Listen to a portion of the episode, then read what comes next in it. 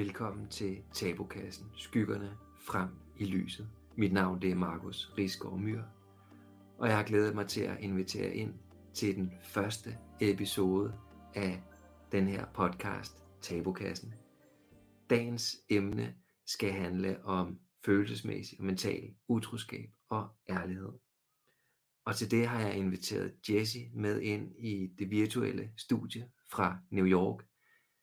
Jeg mødte Jesse for to år siden på et Radical Honesty Retreat, og han har en historik med seksuel afhængighed, sexafhængighed, utroskab, og har været sammen med prostituerede fra han var 16 til han var i slutningen af 40'erne. Jesse har arbejdet med ham selv gennem blandt andet Radical Honesty, gennem plantemedicin, hvor han i samarbejde med en terapeut har taget psykedeliske stoffer, og han har været tilknyttet Harvey-instituttet, der arbejder med healthy sex. Jesse han vil dele ud af hans dybe erfaringer og hans indsigter gennem den rejse, som han selv har været på, frem til i dag, hvor han selv rådgiver og coacher og faciliterer folk med seksuelle udfordringer.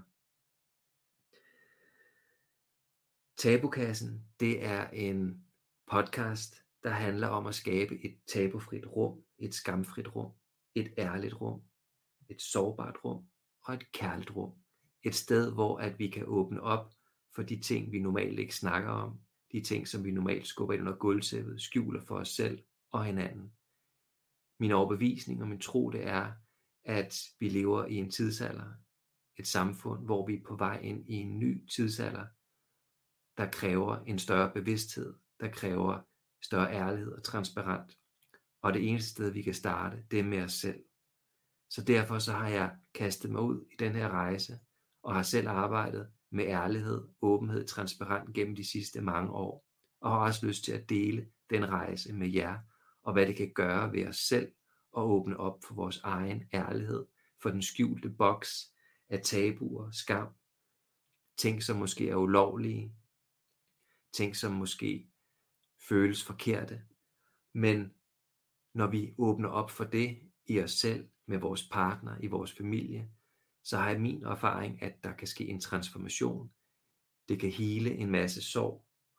Og det er det, som jeg ønsker med den her podcast.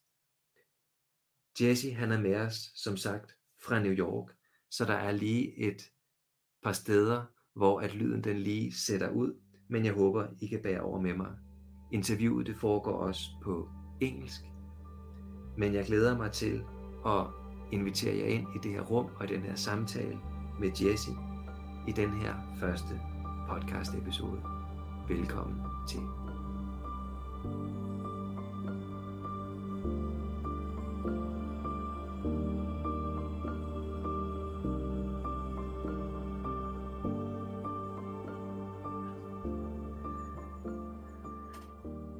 Right, so uh, welcome to you, Jesse.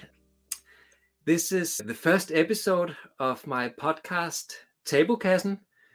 Translated to English would be the taboo box. And just to introduce you, Jesse, we, we met two years back, approximately, in a radical honesty retreat in Greece. And I invited you to this interview as my first guest because I know you also have a history with infidelity and also a process of working through that to where you are today. So, with that said, I would like you to uh, to share a little about who are you and what's your background. Yeah, and then we'll get into questions. That's great. Well, first of all, I'm honored to be the very first guest on your podcast. I appreciate the uh, the ask, and I'm happy to be able to to be here with you. So I, I really appreciate uh, you thinking of me uh, and the connections that we made at that Radical Honesty workshop a couple years ago. I I imagine we're strong enough that here we are today. So, um, so I am a 53 year old, straight but not narrow. Uh, you know, cisgender American male, pretty pretty standard in in in that description. I, think that that that checks a lot of normal boxes for a lot of people. I I have had a variety of uh, work backgrounds. I worked in the restaurant industry for 20 years. I worked in digital advertising for 20 years, which involved both uh, managing operations and also sales. Um, I have no formal training in sales, but I ended up uh, becoming a uh, chief revenue officer for a technology company and managing sales teams and managing salespeople for many years. Um, and I left that world formally in 2019.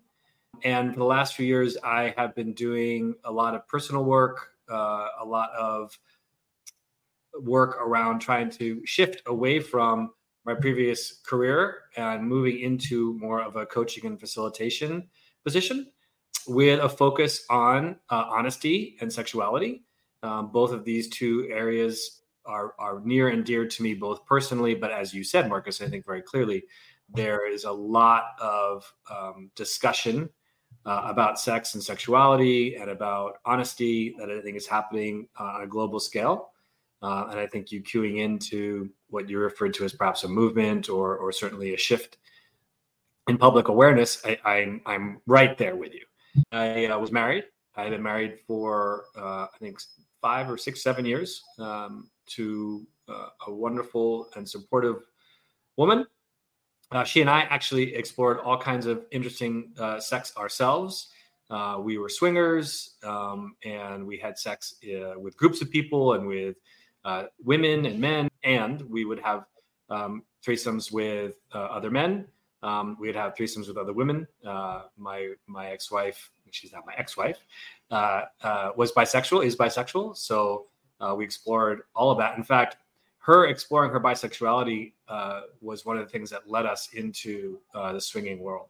And when she discovered that I had been seeing sex workers, I was in denial about it. I didn't want to acknowledge that this was happening we struggled for about 18 months um, with me continuing to lie to her about seeing sex workers um, because after I told her I had stopped, I continued. Um, mm-hmm. I was in denial that I was an unhealthy relation to sex with sex workers in particular. And when she found out a second time, um, this was this was pretty. This created a pretty serious shift in our relationship. Uh, up until that point, she had been very supportive of me, uh, thinking that I was being honest with her. And around the, the second finding, the second reveal, she uh, had read a book called Radical Honesty, mm. uh, by this guy named Brad Blanton. Mm-hmm. And she read it and she said, Jess, you know, you sh- I, I, want you to read this book. And I read it and I was very moved by the book. Uh, I found it to be very appropriate for me and my personal journey. I, I found myself reading the book and thinking that there were certain sections that I felt like I myself could have written. So I, I, definitely resonated with a lot of the ideas in the book, not all, but and a lot. About and this was in I'd say 2018. In 2019, uh, my ex-wife and I attended our first radical honesty workshop together. It was a couples workshop, and that had a profound impact on me personally. I think on the relationship as well. Uh, for for a while, I, I, identified myself as a sex addict. I went to 12 step meetings and fully identified myself this way. Um, mm-hmm. and, and, even in my own experience, I, I came to understand that um, what I was doing, I imagine, was using sex with uh, with sex workers as a way to fill an emotional hole.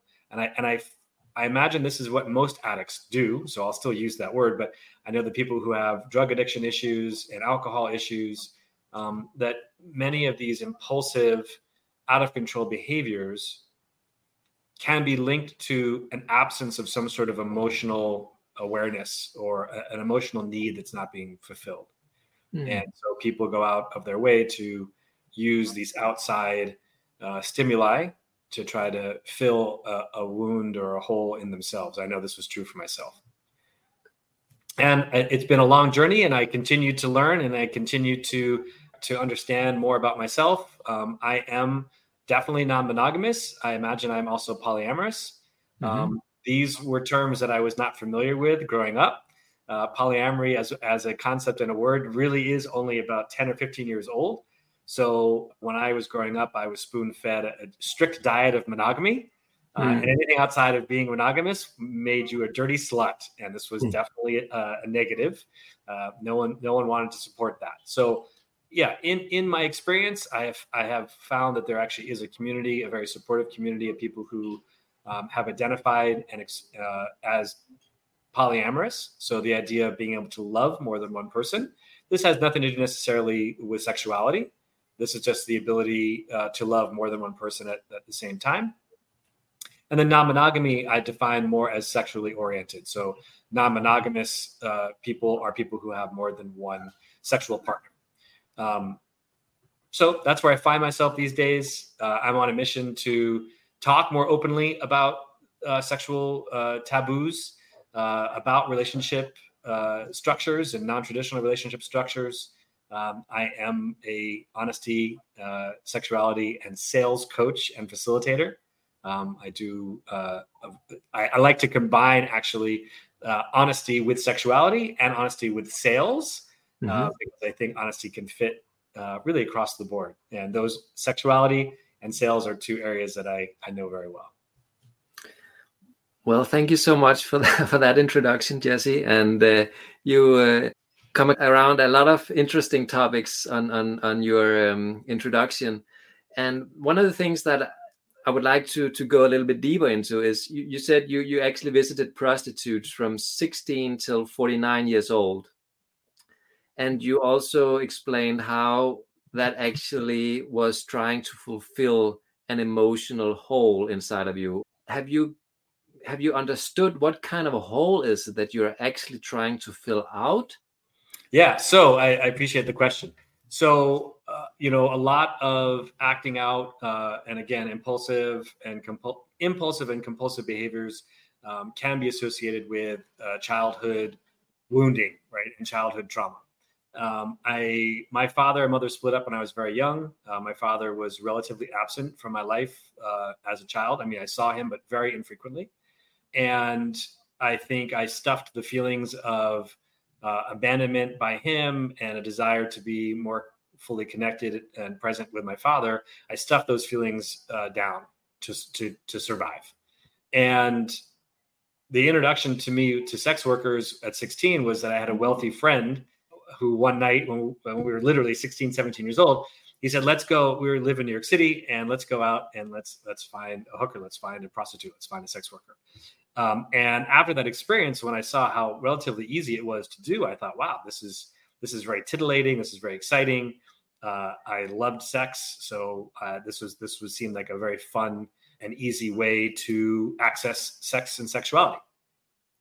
Over the course of many years, though, what I ended up doing, uh, first of all, for many years, I didn't see a sex worker after that because I had no money.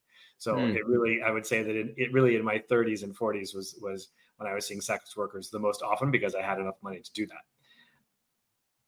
And what I imagine I was doing was using those experiences to do a couple of different things. One, uh, it uh, those experiences allowed me to continue to stuff my feelings. So if I didn't want to feel anything, I could go to a sex worker and distract myself uh, and uh, have no feelings, uh, positive, negative, or whatever. So if I was feeling sad, for example, if I was feeling angry, uh, or even if I was feeling happy, I could go to see a sex worker and those feelings could be muted.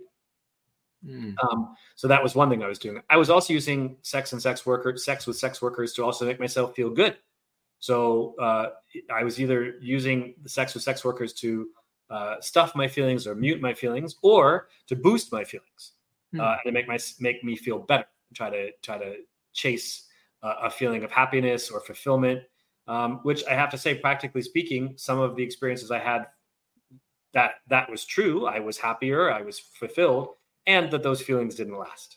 Those feelings were, were hmm. momentary, mm. as as all feelings are. Um, and then ultimately you know so so stuffing feelings making myself feel better and quite honestly um, i think the, the, the overarching story here is that i was really using sex with sex workers as a way to avoid facing the sadness uh, that i felt about my father and my father leaving me uh, when i was four years old mm. and his absence for the most part in my life and i say that and, and that's not to say we never saw each other we did but not on a daily basis. Mm. Uh, in fact, not even monthly. Like we saw each other a few times a year.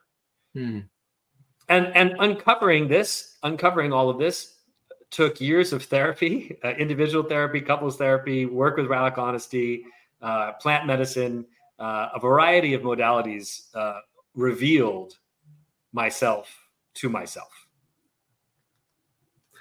So you say this it was to avoid the sadness. So have you fulfilled that hole or what's the process of going from understanding this because one thing is to understand it okay i have a hole inside of me i feel the sadness of abandonment from my father. Mm-hmm. and then how do you how do you come there to actually fill that hole or are you still in that process? Well i imagine the process is ongoing. So in a 12 step program and, and I, I, want to be clear i didn't do all 12 steps. I, I chaired a, a meeting in new york city here for about a year. Um, i had a um, uh, had a sponsor for a moment, but I didn't do all 12 steps. But I did learn some interesting tools I took away from that experience. One of the things that happens in a 12 step program is making amends, going and speaking with people that you may have hurt in the past. Similarly, in radical honesty, uh, we have what's called a completion talk uh, to go to people who are important in our lives, we have uh, emotional baggage with. And um, after practicing radical honesty for several years, I finally had a completion talk with my father. Mm-hmm. I was able to address the fact that I was sad and upset uh, and angry at him for leaving me. Uh, and I got to address this to him directly. Um, and he did an incredible job, I imagine, of receiving this information. I prepped him beforehand. He was aware that I was doing radical honesty. And I said to him, Listen, I want to have a conversation with you. And during this conversation, I want you just to sit and listen to me um, and I'm going to express myself, and we'll see what happens. Mm-hmm. I was worried that he would be defensive. I was worried that he would start talking, mm-hmm. and he didn't do any of these things. Uh, and in fact, it went so well that he said to me, "Let's do this again." Wow. Which I appreciate you for saying wow, because also in my experience, hearing other people in Radical Honesty speak about completion talks, and in my experience listening to people in the 12 step program talking about their amends talks, most people are surprised by what happens. There's a lot of yeah. fear.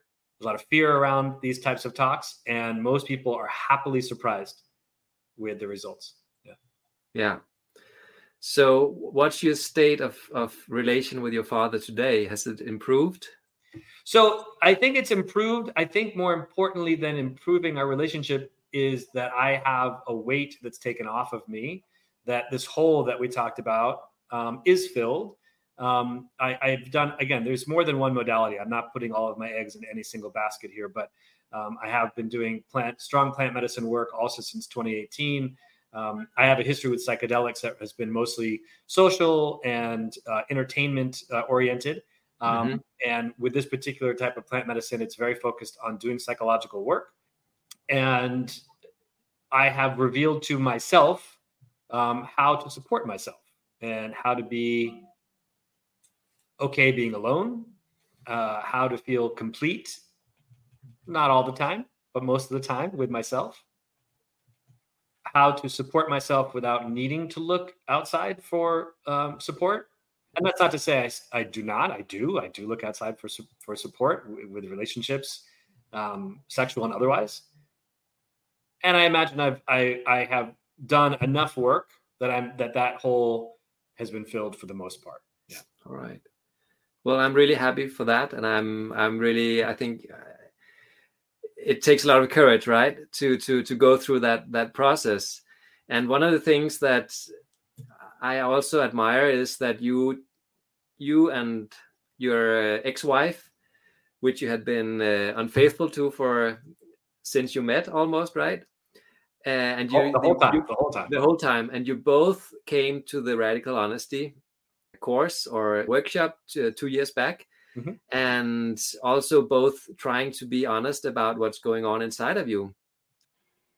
All this process of being honest with, with with Laura and going through, you know, she's introducing the book about radical honesty, and and talking about you know you having been unfaithful you have been in denial for for uh, several months but at some point you know saying okay I, I wanna I wanna go into this. I, I guess that also takes a lot of courage because you have to face your fears, your shame, uh, your infidelity for several years, and maybe your infidelity for or your you know being with other with prostitutes for at least twenty years. So more, thirty more, years. more than that, yes. Mm-hmm. So have have you always been unfaithful? Oh yeah, yeah. No, I, I mean, there were times where I was living uh, in the western part of the U.S. where where uh, sex workers were not available. So there were definitely periods of time where I wasn't uh, engaging with sex workers at all. Um, and but and most of my significant relationships, I had been engaging with sex workers in one form or another when I had the opportunity to. Yeah, when mm. I had mm. the opportunity to. Um, yeah.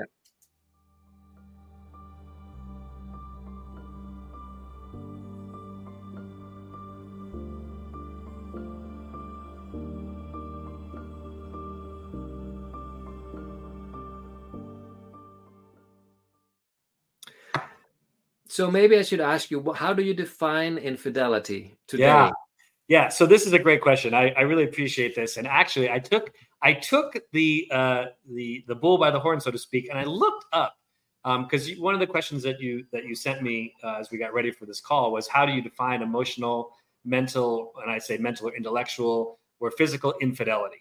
Um, and I and I thought to myself, yeah, that word infidelity is a powerful word. It's a loaded word. Um, I imagine I'll jump ahead and just say that you know, in in my exploration of myself, I imagine I've always been non-monogamous. I imagine I've probably always been polyamorous, and I just didn't know that those were options. That monogamy and infidelity are intimately related. Uh, and I just want to read to you. So, so it's interesting. I looked up the definition, that the Oxford Dictionary definition of infidelity, and there's two definitions. The first one one is the action or state of being unfaithful to a spouse or other sexual partner.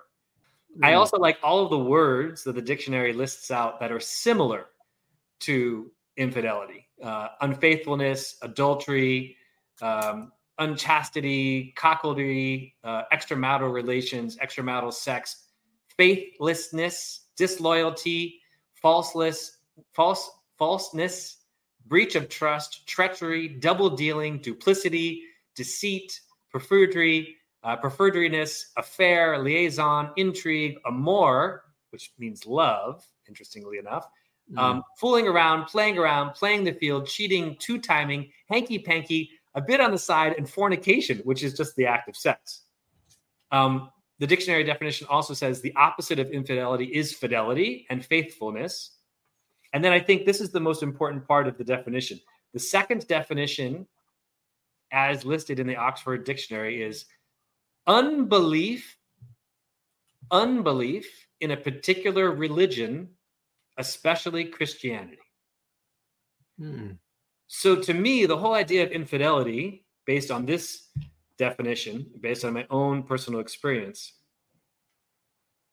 is mm-hmm. deeply rooted in monogamous relationships and monogamous relationships are deeply rooted in a, monog- a monogamous normative culture that we as humans have been participating in for at least the last 2000 years mm-hmm.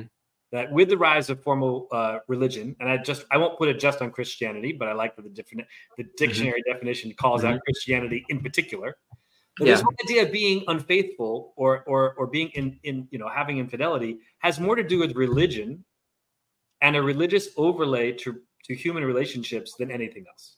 Mm. That the idea of being the idea of infidelity and the moralism that comes with that keeps people in relationships and keeps people restricted mm-hmm. because mm-hmm. of a moral and religious obligation to do so. Yeah.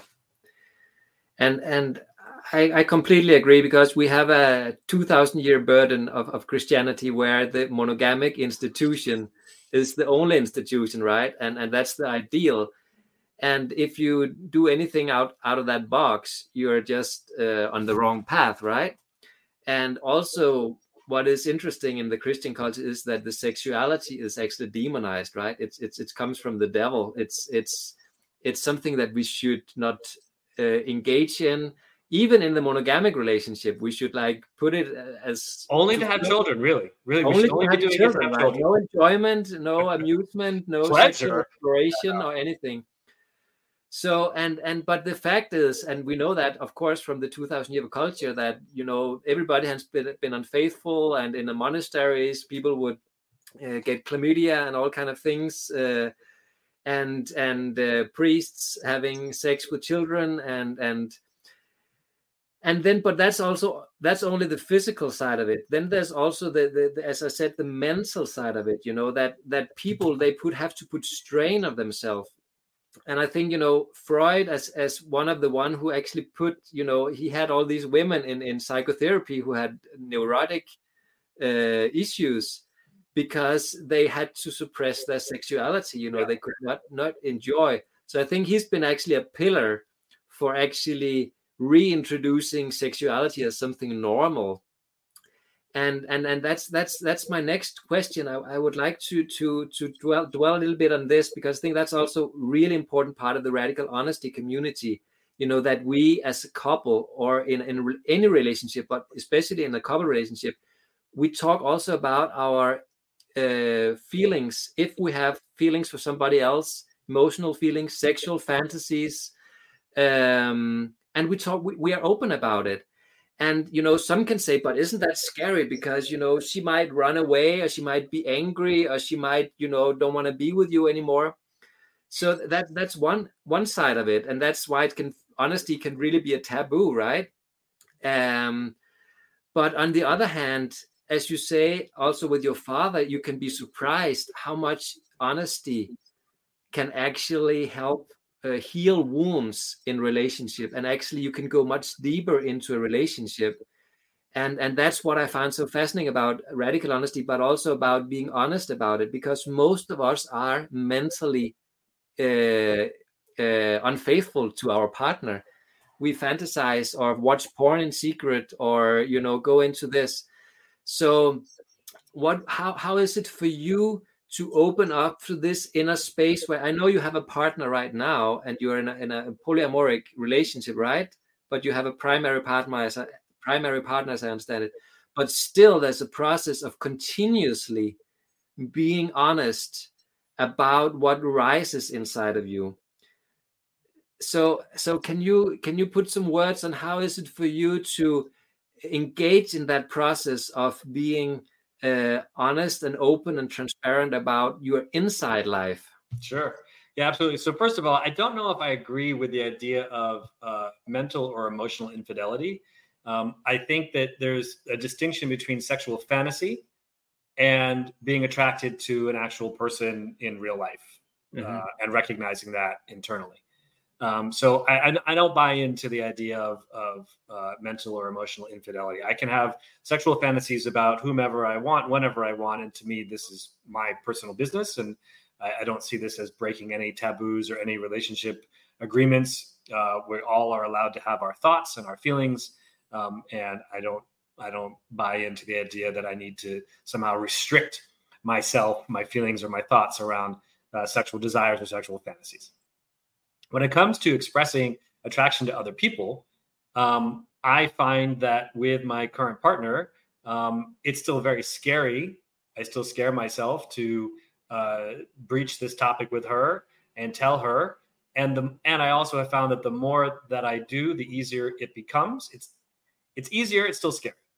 Um, we've been together for a little over two years. And I want to give credit where credit is due in terms of radical honesty and this whole idea of being honest and uh, how scary it can be. And the credit is due to radical honesty that I, I give credit to the work that I did within radical honesty to eventually be able to tell my now ex-wife in honestly i can't be myself and be married to you anymore mm. I said this to, I spoke those exact words to her in March of 2021. I would say that uh, from 2017, from 2017 to 2021, she and I did our best to work through uh, my infidelity, my inability to be honest with myself and with her and really know who I was and what I wanted. Um, we worked for many years uh, hard to try to, mm-hmm. to save our relationship. And eventually I I had the clarity and the emotional support from myself, I found within myself. I imagine from her and also from a community of people within radical honesty and, and in these other areas and modalities that I was engaging in, to be able to say to her, yeah, I, I it makes me sad. I'm really scared to say this to you. And I can't authentically be myself and be married to you anymore. Mm-hmm. So I credit Radical Honesty for helping me to end that relationship.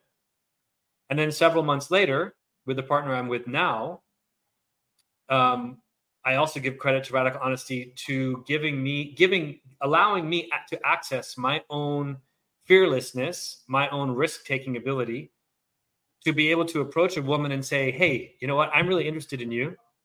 And I imagine I'm non monogamous. I imagine I want to have, I, I, would be attracted to and want to have sex with other women besides you. I imagine I'm polyamorous. Mm-hmm. Here's a little bit about me. And what do you think about this? Like, what do you think about all this stuff I've told you? Yeah.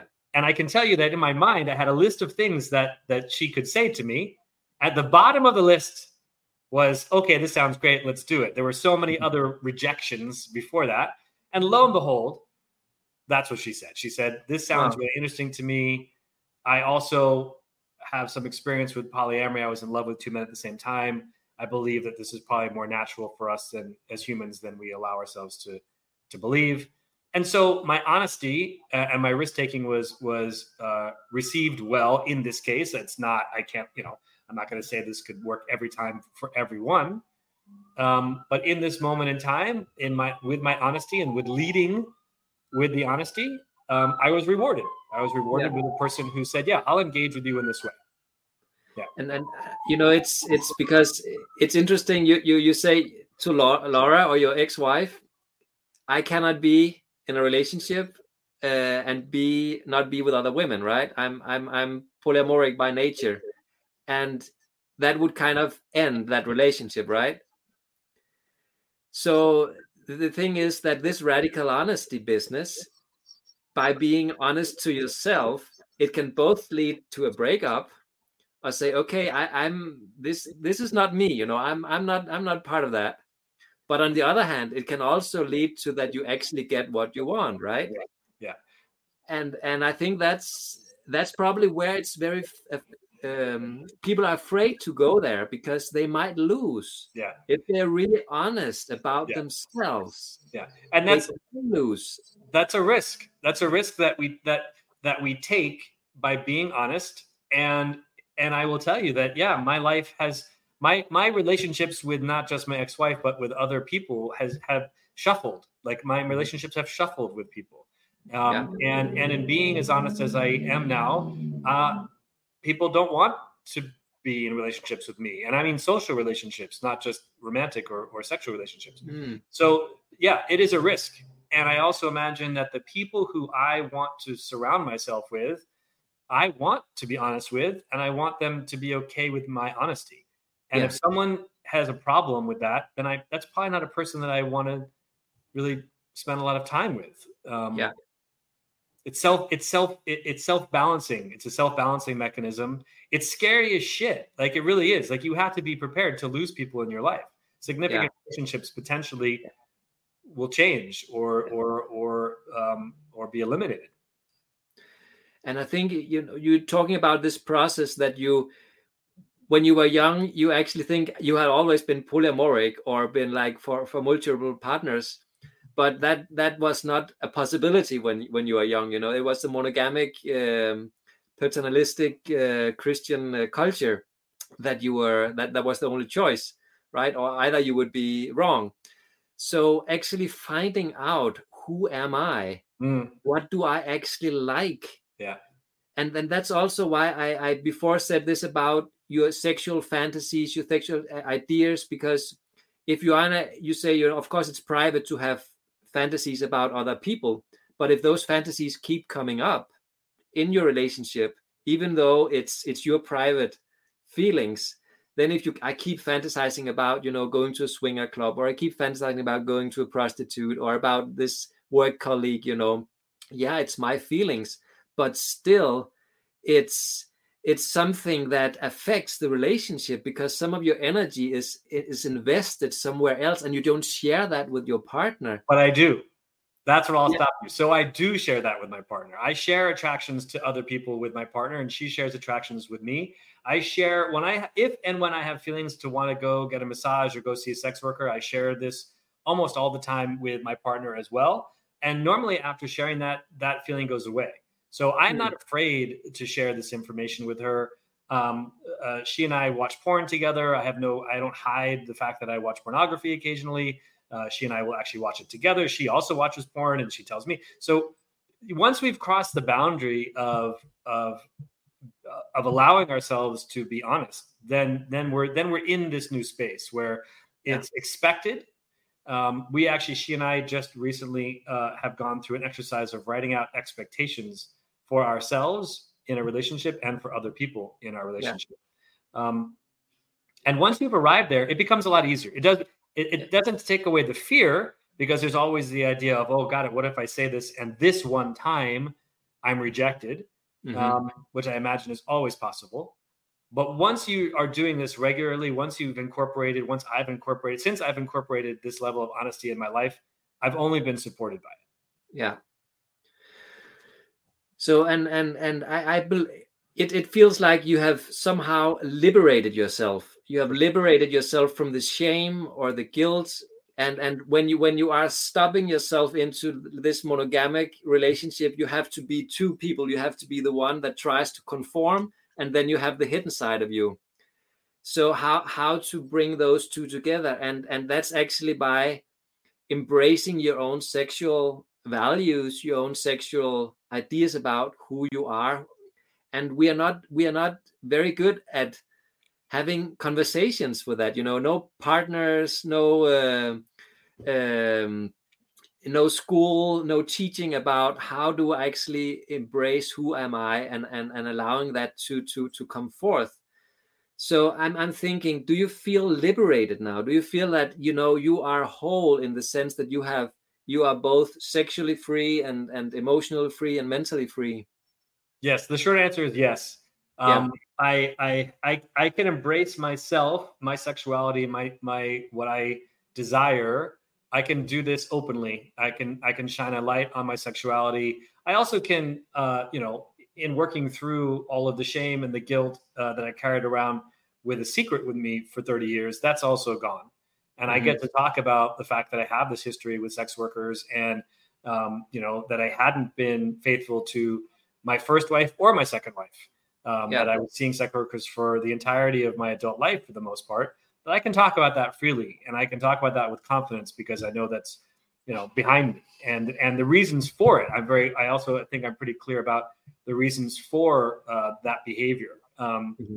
and recognizing that this is an unhealthy behavior.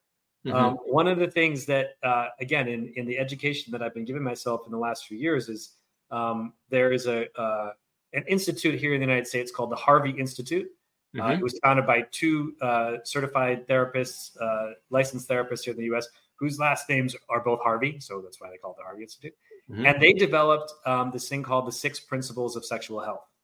And and if I had had these principles growing up from the time I was a kid, like now I, I could easily get into a whole conversation about the lack of sex education in the United States or globally um, sex is so taboo that we can't even educate our children properly uh, here in the United States uh, about sex and sexuality.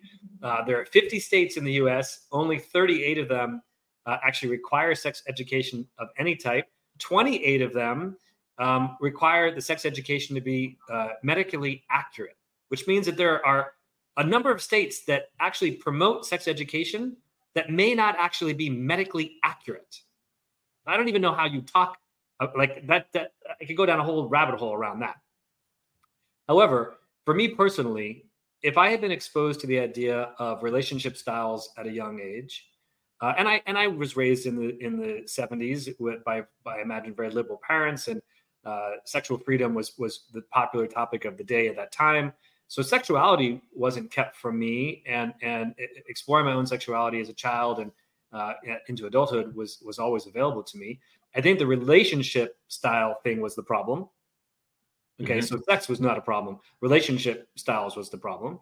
and also having a, a, a, some sort of foundation of like yeah what is healthy sex like what is healthy for, when it comes to sexuality and these six principles of sexual health that the harvey institute has developed i think are i, I want to shout from the from the rooftops about you know about what this is because i'm just going to tell you what they are so mm-hmm. the first one is, is consent which is also very timely that can, you know, there's a lot of discussions about consent, right? So, uh, sexual health requires sex to be consensual between mm-hmm.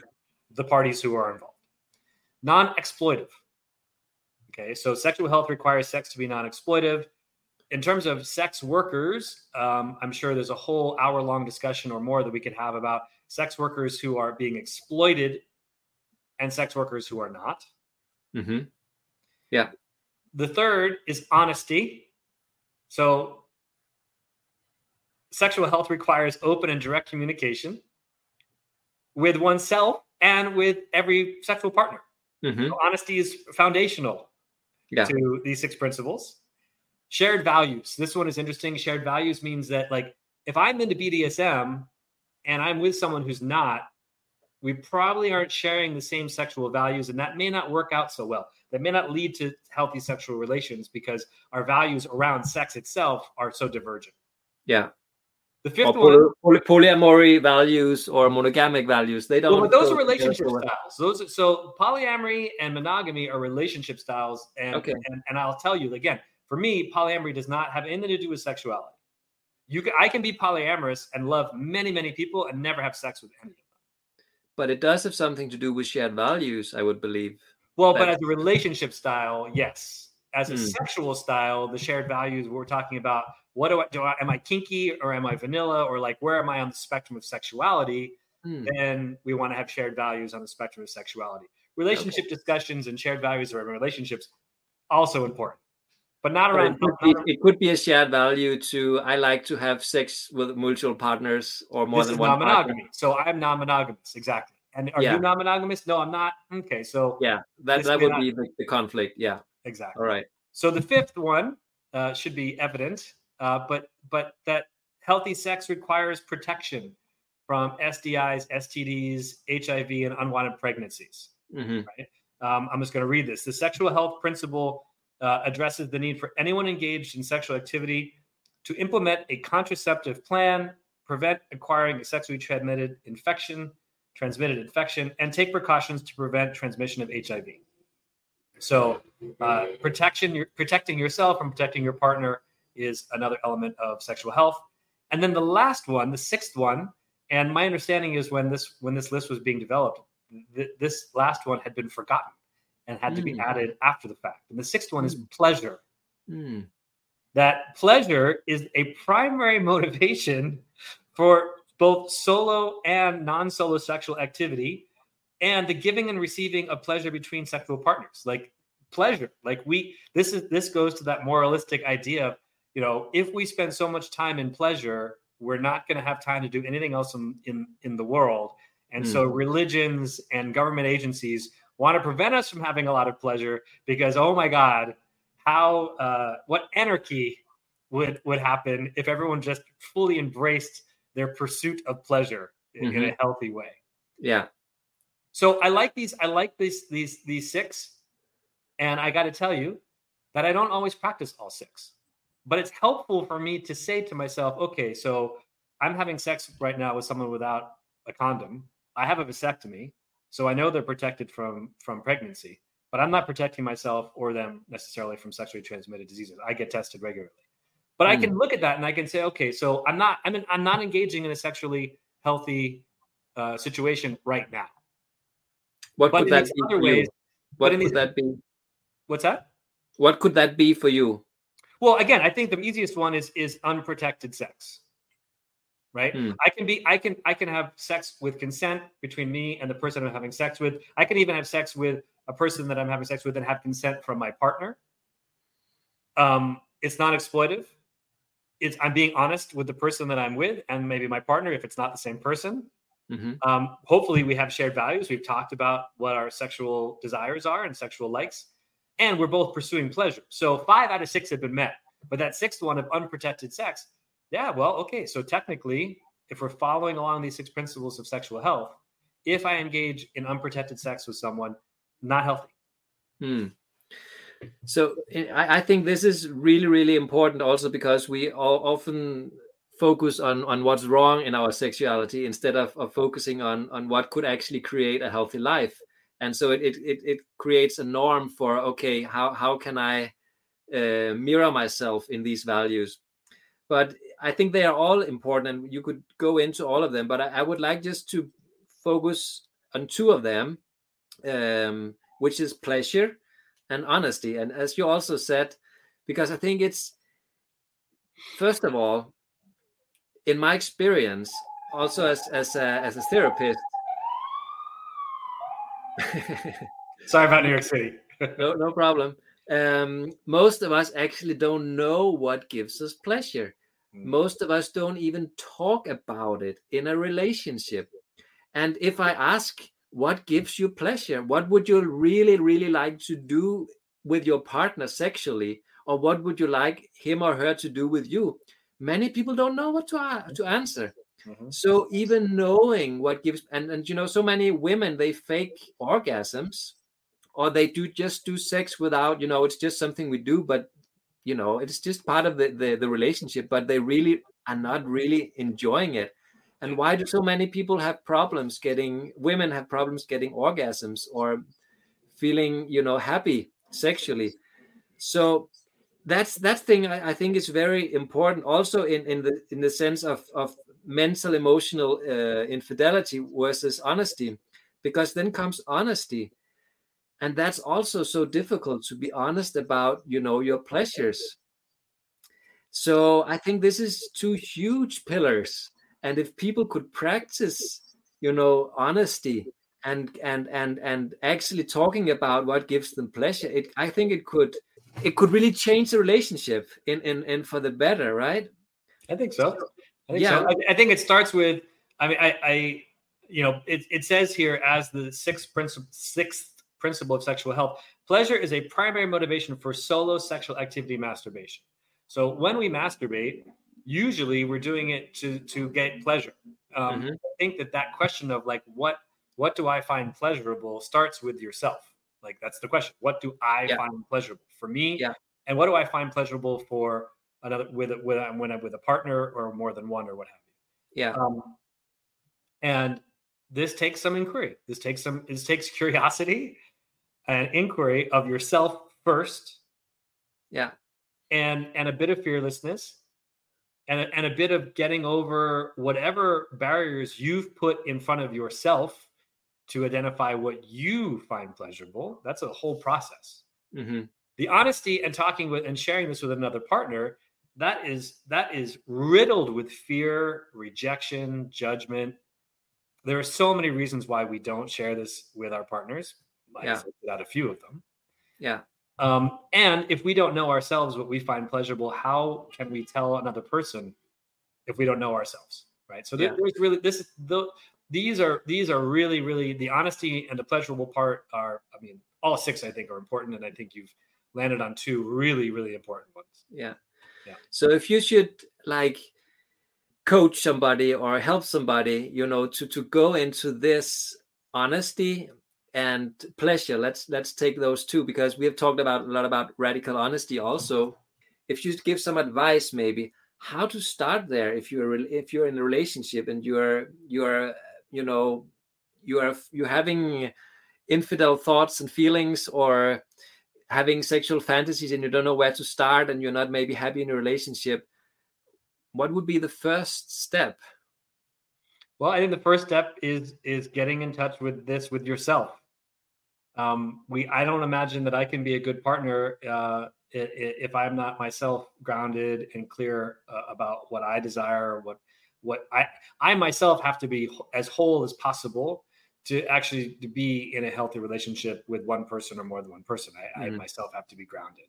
So I would start out by suggesting a, a prescription of personal self uh, sexual exploration and w- what that looks like for you. What what it, in in in the time that you make that there should be time set aside for self exploration sexually masturbation and if that makes you feel uncomfortable to even talk about putting aside time to do that looking at that how does that make you uncomfortable mm. and then you know for people with penises is it just just touching your penis is that masturbation or is there more to your body than that and mm. so and being able to explore that but also again noticing like where do you get uncomfortable mm.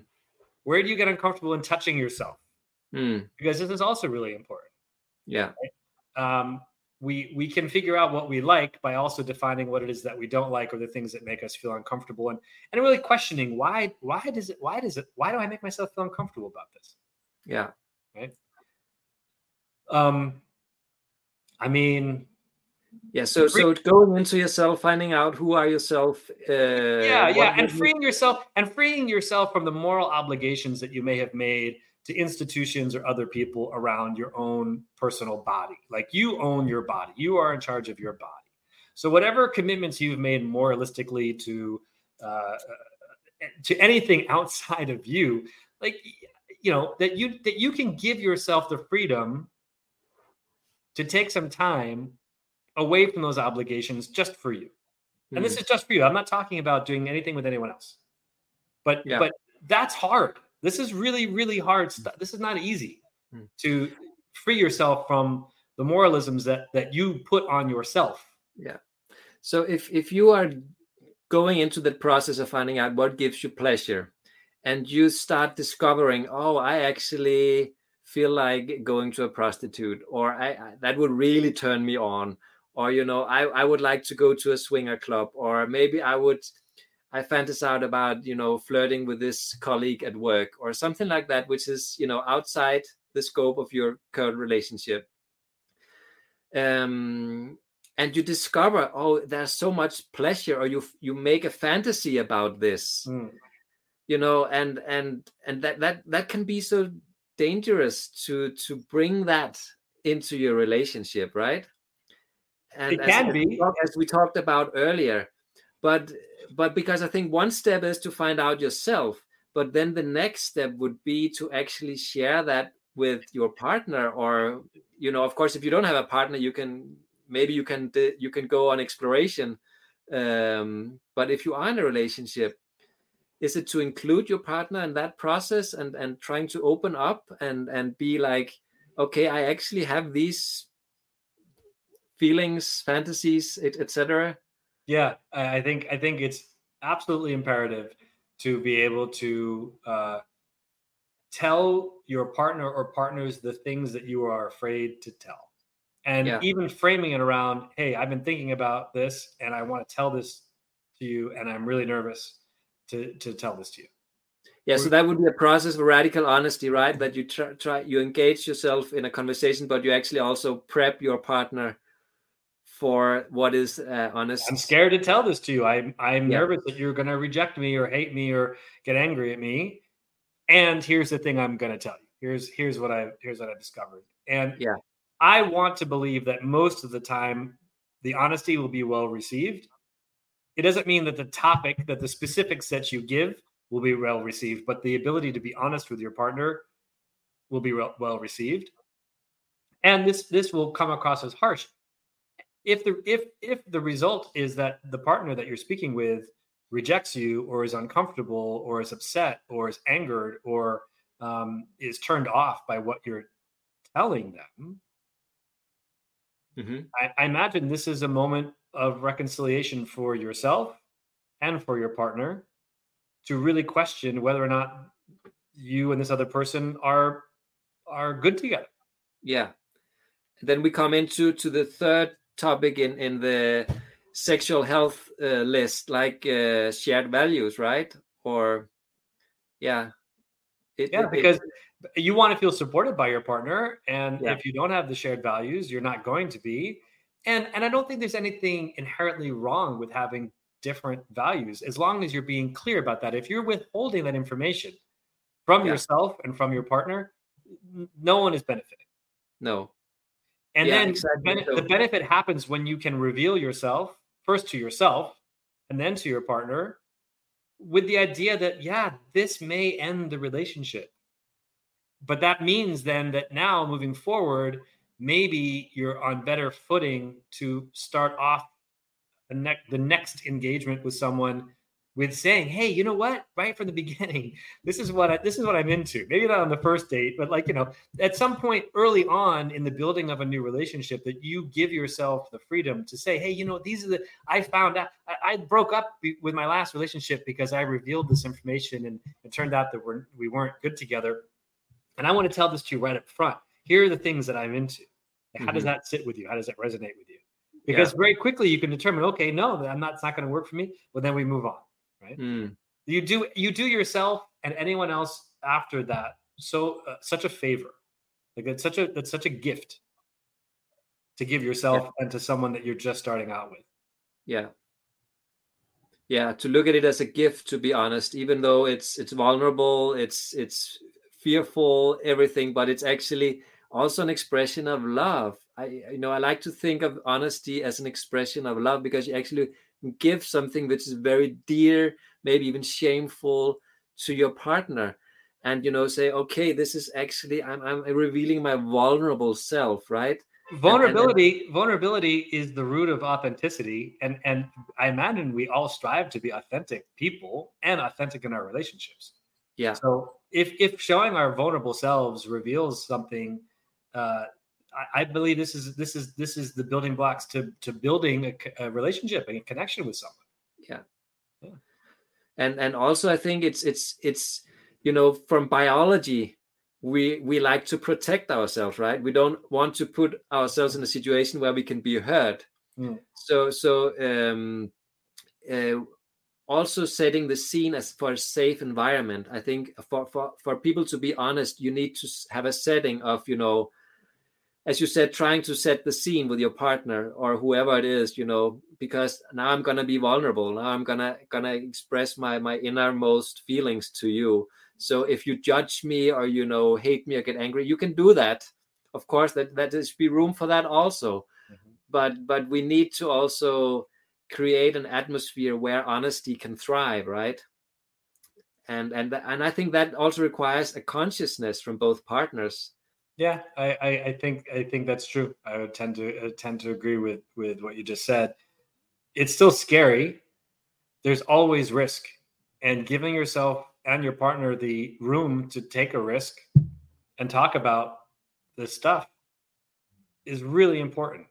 And yeah. the moment that we decide that it's better to withhold and repress ourselves is the moment we start losing the authenticity is the moment we start losing our vulnerability and it's probably the moment that the relationship changes.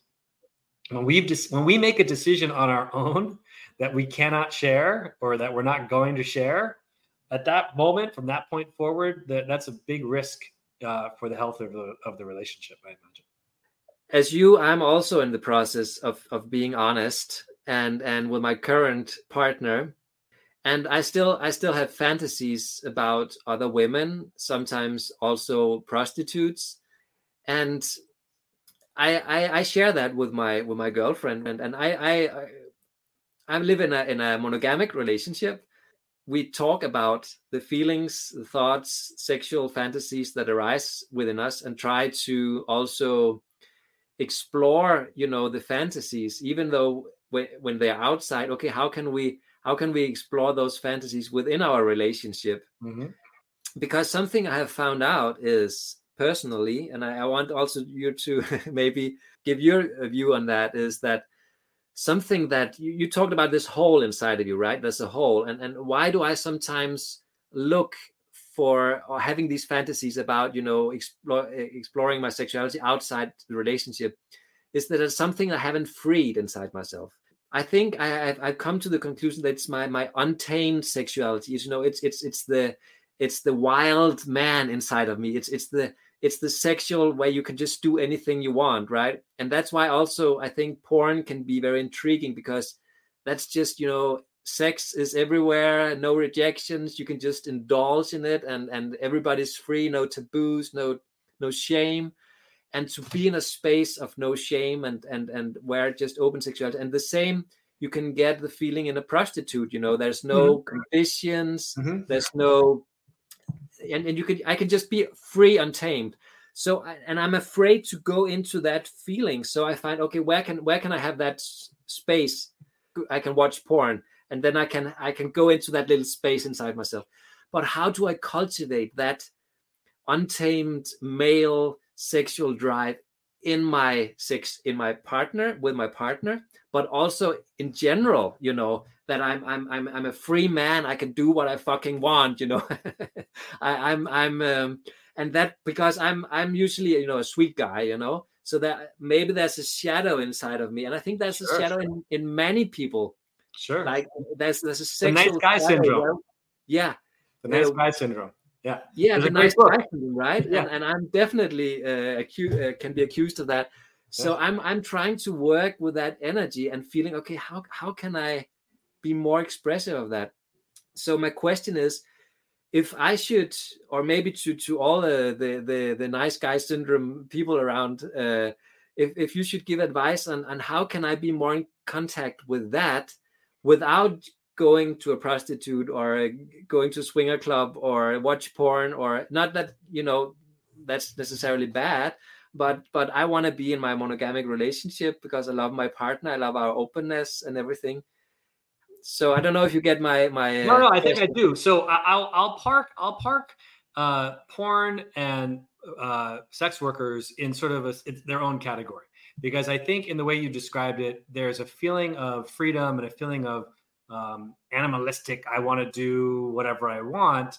Um, that can be artificially satisfied by watching porn or paying for sex. Those those two things I think are artificially uh, satisfying momentarily this this very strong desire for um, quite honestly non-monogamous sexual activity. So I don't I'm not sure that either one of those two ways are are really from a long-term perspective gonna gonna get you where you want to go. I don't think you're gonna find a lot of satisfaction other than momentary satisfaction around that. Hmm. I think questioning one one's own commitment to monogamy that's a dangerous question to ask oneself, and I imagine that that's a question that probably could be asked. And then you threw swingers clubs into the same category as the prostitutes and the porn, and I'm taking it out. Hmm. I'm taking it out. Um, fantasizing about having sex with, uh, you know, with, with another person, with your, with or without your partner, or with a group of people, like there's that there's a whole world of fantasy that can be generated uh, around that. And having spent many many years in the swinging community, moving from the fantasy into reality makes makes that real. Um, There are real, there really are people out there who uh, participate in casual group sex um, willingly. And, and if we ran down the, the six principles of sexual health, they actually check every single one of them, including Mm. protection. Mhm. So I guess one thing that I would suggest is starting with questioning your relationship style, if monogamy really is what you're after. Number two, the ability to be honest with talking about these fantasies with your partner. And then number three, maybe putting yourself in a situation where you could explore some of the more practical physical interactions by by putting yourself in a place where that happens. And Hmm. I want I wanted to riff on this just for a second. When my ex-wife and I decided we were going to pursue that, the first the first thing we realized was, oh my God, we've never had sex with each other in front of other people. Now, I'm in my I'm in my late 30s or early 40s when we started doing this, and I, I was in a crazy hippie orgy in my 20s, random, spontaneous backyard orgy, which just was a one-off uh, in my 20s. So I, I actually had had sex in front of other people before, but not with this partner. And and so we realized that we were like we thought, oh yeah, we'll have sex with other people and it'll be great. But then we realized, oh my god, we've never had sex just in front of other people. How are we going to have sex with other people? So the so what we did was we agreed. We went to a club in New York City, and we agreed we weren't going to have sex with anyone except ourselves. just Mhm. to see what that was like. Mhm. And that was the first step. And and I think that that if someone were asking me specifically, how do I get into the swinger scene? I think that would be a really good first step. The other thing is this: having spent a lot of time in the scene, there's no requirement for anyone to have sex with anyone. And the level of consent within the swinger scene far surpasses anything outside of the swinger scene. A no is, is a no. And asking Mm. for consent is is is part of the process. It's so much more supported. It's it sounds almost contradictory. You- I imagine people get in their minds about swingers and swinger parties and how chaotic it must be and just insanity. And it's actually so much more real and so much more honest and so much more about consent than you could even imagine. And, and it's more so in in that in that world than it is in the real world. People don't touch each other generally speaking without consent Yeah. you go to a bar, people are touching each other all the time. Mm. So, so the idea of exploring this can can be something, uh, and by this I mean exploring this desire to sort of be free sexually with other people. This can even be satisfied by going to a swingers club or a swingers party and watching. Mhm. voyeurism, I, I I imagine voyeurism is sex. you Yeah. know, Definitely. you don't Yeah. you don't have to physically engage with anyone to be sexually aroused or have sexual uh, uh, you know energy even going and watching is acceptable no one judges the judgments the judgment scene in the swinger scene is incredible also body type judgment is is eliminated there not ev- i can guarantee you not everyone who's in a swinger scene is an adonis or or uh, an aphrodite and the body Mm. types it, the one of the most beautiful things about that scene is that it it accepts everyone of all shapes and sizes so I, I don't I I- I guess I'm not trying to like outwardly promote pursuing swingers, but I will say that that community is very supportive, probably much more supportive than people realize. Mm. There, there's no requirement to actually engage with anyone or do anything. Yeah. That going and watching is one thing, and then going maybe another time and just being with your partner is is a- another step. And and to, and and I remember several times, certainly in the first few years, and maybe even after, of looking around a room full of people thinking, wow, this is like we're really doing this. Like this is all Mm. all of us are participating in in this right now. You know, ancient Rome ain't got nothing on us. Mm. Um, in fact, this is probably better because there's consent and I don't Yeah. and, and and there's, and there's support and there's you know so I this is a long-winded way for me to say to you that there's room to explore that in a very practical way that doesn't have to be threatening, doesn't have to be scary, and doesn't even Mhm. require you to actually physically engage with anyone. Yeah, yeah. And wonderful talking to you, Jesse. And I think there's so much more to talk about. We could go into radical honesty, the six healthy principles, or maybe on prostitutes, because all the moral issues or dilemmas uh, regarding prostitution is also a topic in itself, which I would love to dwell into sometime. But it's been wonderful talking to you. Well, Marcus, I thank you for the opportunity. It's also been my pleasure. I, what, what I want to let you know is that I'm actually uh, starting on October 5th. I'm going to do uh, five Thursdays in a row of, of, of a different podcast where I'm going to dive into uh, the specifics of the, the six uh, principles of sexual health. I'll do three at a time. I'll talk again.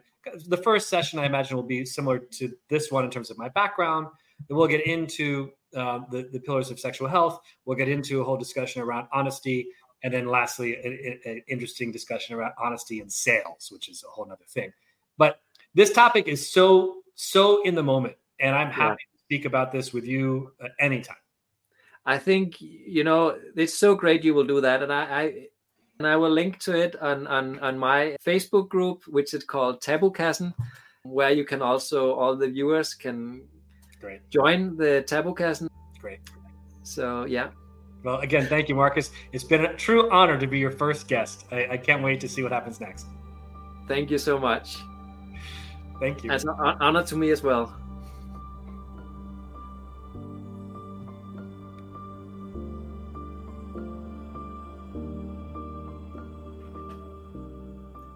Så er der kun tilbage at sige tak, fordi du lyttede med. Og hvis du skulle være blevet nysgerrig på The Harvey Institute og de seks principper for et sundt seksualliv, eller måske være blevet nysgerrig på Radical Honesty bevægelsen, så vil jeg linke til dem inde på vores Facebook-gruppe Tabukassen Skyggerne frem i lyset. Jeg håber, at dagens emne har været inspirerende for dig, og hvis du skulle have lyst til at dele dine erfaringer eller tanker om dagens emne, eller måske have idéer til andre tabuer, som kunne være spændende at tage op af kassen, så er du velkommen til os at skrive ind på vores Facebook-gruppe. Tak for denne gang. Lad tabuerne falde og ærligheden tale.